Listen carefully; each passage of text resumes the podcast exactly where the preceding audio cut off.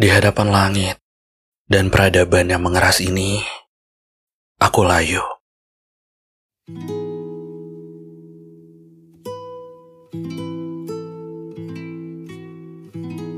Mengantuk dan tidak bertenaga. Suntuk dan tidak bersahaja. Semangat yang kutabung selama ini seolah-olah ingin teriak, ingin membentak, ingin jengkel pada rintangan-rintangan yang tak pernah ada usainya. Tapi waktu itu suaraku parau,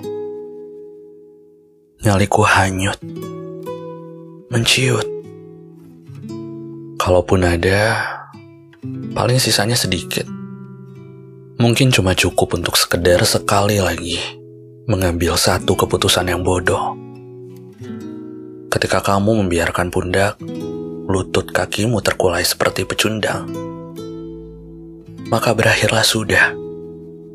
Segala sesuatu yang memburumu selama ini, mereka akan berhenti sejenak. Waktu tidak bergulir dengan semestinya. Mereka akan berhenti sejenak.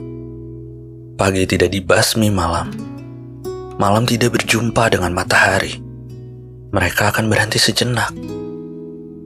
Semua zat, unsur, partikel-partikel yang ada di alam semesta ini, mereka terbebas dari hukum ruang dan waktu. Maka semuanya akan menjadi ringan. Meski moralku sedang kehilangan urat malunya, karena melihat harga diri ini berkhianat pada dunia. Jauh sebelum itu, sudah ku cari banyak cara agar hidup ini berjalan dengan sebaik-baiknya. Sudah ku rancang banyak rencana supaya nasib ini terjun dengan seramah-ramahnya. Tapi bukannya terbang, aku malah tertimbun berat. Seperti ada satu ton beban yang selama ini kupikul sendirian.